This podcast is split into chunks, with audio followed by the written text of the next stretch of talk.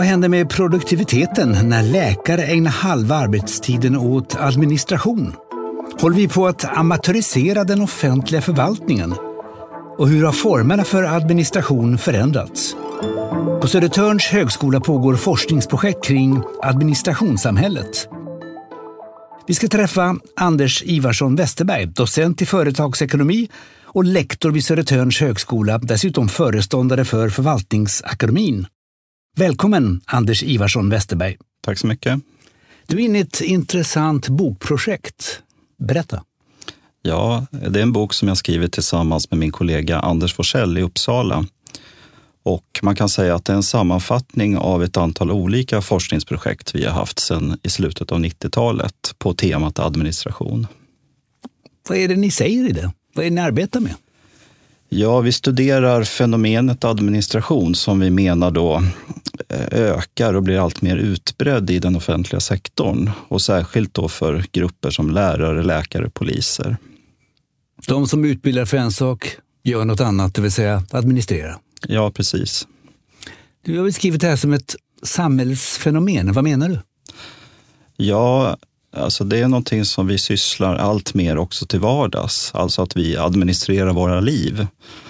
Eh, jag menar, vi planerar kalendrar, vi sitter och redigerar bilden av oss själva via Facebook. Och ja, vi ska, vi ska hantera vardagslivet som rationella konsumenter. Vi ska välja barnomsorg och skola och el och tele och så vidare. Plus att vi allt mer anmanas att göra olika typer av ärenden till Försäkringskassan, Skatteverket till exempel. Så att vi, vi blir våra egna administratörer kan man säga. Hur definierar du och Anders Forsell administration? Ja, vi definierar det som egentligen informationsöverföring. Alltså att när helst vi ska samordna våra handlingar, så att säga, organisera oss, så måste det till någon slags informationsöverföring mellan oss. Och det tar sig uttryck då i planering, eh, samordning, arbetsfördelning och så vidare. Eh, vi kan dela upp det i två typer egentligen. En typ som är internt för organisationen. Det kallar vi för organiserande administration.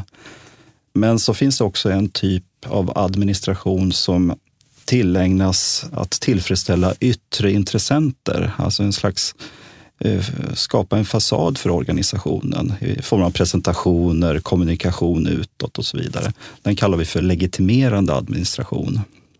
Hur breder administrationen ut sig i offentlig förvaltning? Ja, vi tror ju att dels så ökar ja, själva det administrativa arbetet så att man, man gör mer administrativa arbetsuppgifter generellt. Men sen tror vi också att det sker en omfördelning av administrativt arbete. Hur då? Jo, att det tränger liksom in i alla typer av yrken. Eh, sådana yrken som tidigare inte hade som uppgift att administrera. De använder idag ungefär halva sin arbetstid åt administration. Det är den, här, den trenden som du Anders Forsell kallar för amatöriseringen, det vill säga de som inte var ägnade åt administration får ägna sig åt det. Ja, just det. Det är ju eh, sådana yrkesgrupper som lärare, läkare och poliser som vi har studerat i den här boken. Eh, och eh, som inte har, så att säga, de är inte utbildade på administration. De är utbildade i sina respektive yrken. Men det man har sett och det vi har sett i vår bok, det är ju att administrativa arbetsuppgifter allt mer kommer in i deras yrken också. Varför har det blivit så? Ja, det finns en kombination av förklaringar där. En förklaring till den här omfördelningen, det är ju att man tog bort en massa administratörer från den offentliga sektorn. Eh, särskilt på 90-talet, efter krisen i början på 90-talet, så sålde man upp en massa administratörer eh, landstingen till exempel eller i polisen. Och eh, det, det, man inte tänkte riktigt på tror jag, det var ju att man inte tog bort något administrativt arbete utan det flyttade över då till de här yrkesgrupperna. Det är alltså, kan man säga, amatöriseringen. Och den andra trenden är professionaliseringen för samtidigt så anställdes det andra högutbildade administratörer. Ja, Och det är ju den senaste tioårsperioden åtminstone så, så tycker vi oss, eller vi har sett en ökning av sådana professionella administrativa yrkeskategorier som har ökat. Och några exempel då, det är ju controllers, informatörer, olika typer av strateger och så vidare. Och de här administratörsgrupperna de är ofta knutna till ledningsfunktioner i organisationer och så att säga blir någon slags stabfunktion. Eh, och då blir de också en, en kravställare på de som är anställda i organisationen. Så vi tror att det driver på det administrativa arbetet också. Och de ställer också krav, alltså förvärrar situationen för administrationen, det vill säga ökar arbetsbördan för den? Ja, det, det är så vi resonerar. Mm. Hur har eh, formerna för administrationen förändrats som ni har sett? Ja, den, den, största förändringen har ju såklart samband med IT och den alltmer utbredda användningen av datorer i våra arbeten. Och eh, det, det gör ju det att det administrativa arbetet flyttar ut på varje persons eget skrivbord. Eh, jag menar, man är ju sin egen sekreterare idag och förväntas göra alla sådana uppgifter själv. Och eh, datasystemen tar ju hand om en massa olika saker idag. Och ja, vi studerade till exempel en person som jobbar inom psykiatrisk öppenvårds, eh, psykiatrisk öppenvård. Och eh, den personen loggade in och ut ur sex olika datasystem dagligen. Och när vi har pratat med läkare så säger de att sex olika system, nej det är väl inget. Vi har 17 olika system mm. som vi använder dagligen och ytterligare ett 20-tal som vi skulle kunna använda. Och bara de uppgifterna som man hanterar i datasystemen blir en ganska stor mängd till slut. Du har sagt att även om det här, som du berättar, är exempel på en digitaliserad administration så har behovet av vanliga, riktiga möten ökat. Och denna paradox får du gärna berätta om. Ja, och det här har ju samband, tror vi, med ett, en av de förklaringarna till att vi administrerar så mycket. Det är ju att vi idag har allt fler organisationer, eller rättare sagt organisatoriska enheter inom ramen för organisationerna. För det är ju en trend som vi har sett i den offentliga sektorn till exempel, att man skapar resultatenheter som, där man decentraliserar beslut och där de här resultatenheterna själva får ansvar för budget och personal. Och det gör ju att hela systemet blir mycket mer fragmenterat. Det vill säga, man, man upplever ett större behov av samordning. Och därav tror vi att den här eh, mötesfrekvensen ökar och behovet av att träffas och samordna sig ökar ju naturligtvis när man har många fler organisatoriska enheter. Så att det är nog ingen paradox egentligen, utan det är nog en konsekvens av den här organiseringen som vi ser. Det låter, skulle kunna låta som ineffektivitet. Är det rätt uppfattat? Eh, ja, alltså det, det, här är ju en svår fråga att svara på för att det är ju ingen som undersökt det. Och det är väldigt svårt att, att studera just vad det här leder till i form av effektivitet eller ineffektivitet.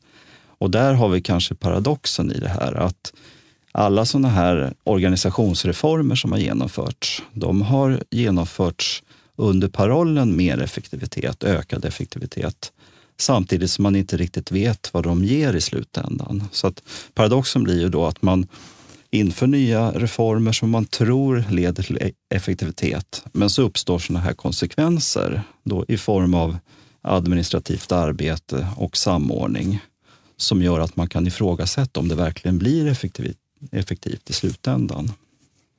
Så administrationen läggs ut på läkare och lärare som annan utbildning och nya akademiska administratörer tas in som ställer ny krav på administrationen. Vad händer med arbetsbördan på offentlig förvaltning då?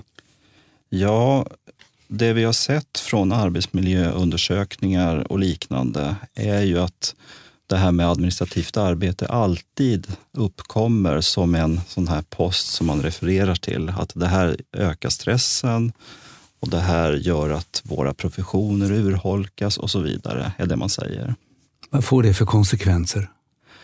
Ja, det kan ju få konsekvenser. Att, ja, men först att vi använder våra resurser fel naturligtvis. Alltså att det kan ju inte vara rimligt att vi använder högutbildade läkare till exempel när de ska ut och administrera halva sin arbetstid. Eh, det är fel att använda skattepengar kan man ju tycka då. Sen kan man ju också tänka sig att det kan bli problem när det gäller patientsäkerhet och liknande om det administrativa tar överhanden om man blir allt mer stressad och överbelastad och sådär. Så vi får konsekvenser också för arbetshälsan? Det tror jag. Alltså, här finns det ju väldigt få studier och eh, här skulle man ju vilja ha mer forskning. Men jag tror att det här kan vara en, en, en stor orsak till stress, arbetshälsa, sjukskrivningar, utbrändhet och så vidare. Om vi ser på lärarna som gör allt mer administrativt arbete istället kan man säga för att undervisa. Kan detta ha någon inverkan på Sveriges låga resultat i de så kallade PISA-mätningarna där man jämför utbildningar i olika länder? Och det är ju en intressant tanke att det skulle ha ett samband. Eh, och där skulle man ju vilja jämföra då med övriga länder eller andra länder som, som ligger högt i de här PISA-mätningarna. Alltså lägger de ner lika mycket tid på administration? Eh, hur ser själva undervisningstiden ut relativt andra länder? Ja, ju... Vad säger den internationella empirin om det här? Va? Vad kan ni ta utomlands ifrån? Ja, det finns ju inte jättemycket studier inom det här området. Eh, framförallt så har man studerat läkare och lärare då och gjort sådana här tidsanvändningsstudier. Och eh, de visar påfallande lika resultat, även jämfört med Sverige. Då. Alltså att någonstans mellan tummen och pekfingret så använder läkarna och lärare halva sin arbetstid åt administrativa arbetsuppgifter. Och det här är ingen skillnad vare sig man studerar USA, Tyskland, Singapore eller något annat land. Alltså det verkar vara en internationell trend. Har du sett något exempel på någon förändring, någon förbättring internationellt just för det här problemet? Eh, nej, jag, jag har inte stött på några sådana här initiativ där man försöker så att säga, lösa problemet.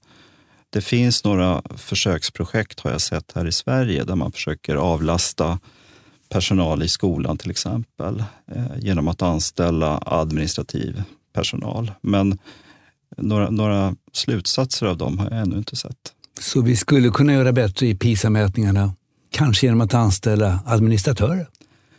Det skulle kunna vara en tanke, ja. Du har också beskrivit eh, hur produktiviteten har sjunkit inom vården och polisen. Berätta. Ja, Eh, där, det är ju samma resonemang där egentligen, att man kan undra ifall inte det har samband med den ökade administrationen. Men eh, där måste jag också vara lite försiktig och säga att det finns väldigt få studier och det är väldigt svårt att säga eh, något mer exakt om de sambanden. Men annat än att det här behövs mer forskning om och, och det skulle vara intressant att veta ifall det administrativa arbetet leder till sådana här effekter.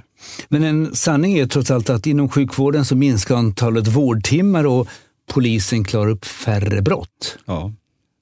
Och du ska nu tillsammans med Anders Forsell studera varför. Ja, det är ju vårt nya projekt här som vi kallar för Begravd i papper. Och tanken är ju nu att i och med den här boken som vi skriver så har vi studerat fenomenet och diskuterat begreppet och fört fram en del förklaringar.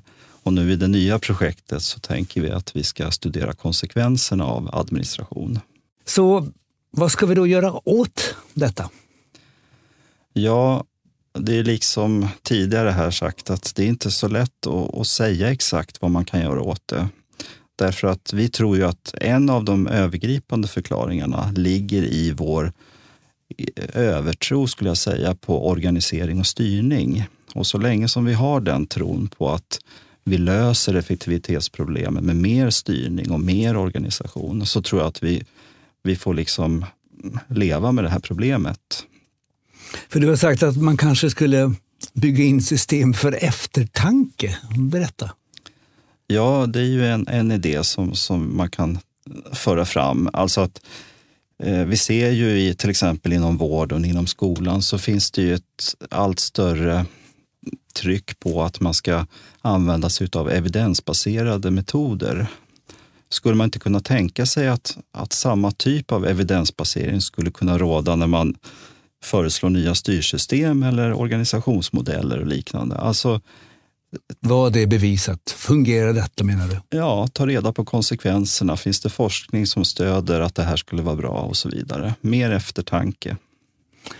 Och du har också sagt att man kanske skulle lämna lärarna och läkarna och polisen med citationstecken kring i fred. Ja, det är också en annan tanke att det här är ju professionella yrkesgrupper som har en lång utbildning på universitetsnivå. Och eh, gemensamt för de här professionella grupperna det är ju att de har ett stort eget handlingsutrymme. De har upparbetade normer för, för hur de ska arbeta och så vidare. Och då blir det liksom, går det stick i stäv med deras professionella identitet om man försöker styra dem allt för mycket. Och det, det är nog där jag tror att, att man kanske har gått för långt. Och att man skulle nog fundera på att kanske att styra dem mindre istället för att styra dem mer. Och hur ska man avlasta? Du har talat om de okvalificerade administratörerna som försvann på 90-talet. Vad bör man göra med dem? Ja, jag tycker att man kanske ska överväga att återanställa administratörer idag. Eh, vi, om vi tittar på yrkesstatistiken till exempel så ser vi att sekreteraryrket i princip har försvunnit. Alltså i mitten på 90-talet så fanns det någonstans drygt 500 000 sekreterare enligt statistiken. Idag är de nere i 30 000 inklusive läkarsekreterare. Så att det här är en yrkesgrupp som i princip inte finns eh, längre. Men som, som jag sa förut, att deras arbetsuppgifter har förmodligen inte minskat eller tagits bort, utan det är ju vi själva som sitter och gör sekreterarjobben nu framför datorerna, vilket förmodligen leder till sämre effektivitet. Behövs det bara så enkelt som mera pengar? Jag tror inte att pengar är lösningen heller, för att jag tror man skulle kunna spara pengar genom att föra över administrativa arbetsuppgifter till riktiga administratörer och på så sätt frigöra tid för kärnverksamheten då, i skolan, i, inom vården och inom polisen. Och då skulle man ju samtidigt spara pengar. Och så Anders Ivarsson Westerberg, den klassiska frågan, vad är forskning? Evidensbaserat? Och vad är politik i det här? Ja, det som skiljer forskning och politik är att det här är grundat i teorier och, och vetenskaplig kunskap som är insamlad med hjälp av empiriska undersökningar. Eh, och politik baseras ju på en ideologi eller på åsikter. Men självklart så, så är det ju upp till var och en att använda den här kunskapen om man vill förändra någonting. Och det hoppas vi ju naturligtvis att, att man ska kunna använda den här boken för också, för de som har makt och möjlighet. Men det är ju inte politik som sådant, utan det här är ju vetenskap. Den här boken, ja. Vad heter boken som kommer ut snart? Vad är den, titeln på den? Just nu är titeln Livet i administrationssamhället. Och så småningom kommer projektet Begravd i papper? Ja, det stämmer. Och vad är det? Ja, det handlar ju om konsekvenserna av administrativt arbete. Blir det också en bok så småningom? En bok och en del artiklar hoppas vi på. Anders Ivarsson Westerberg, tack så mycket. Tack.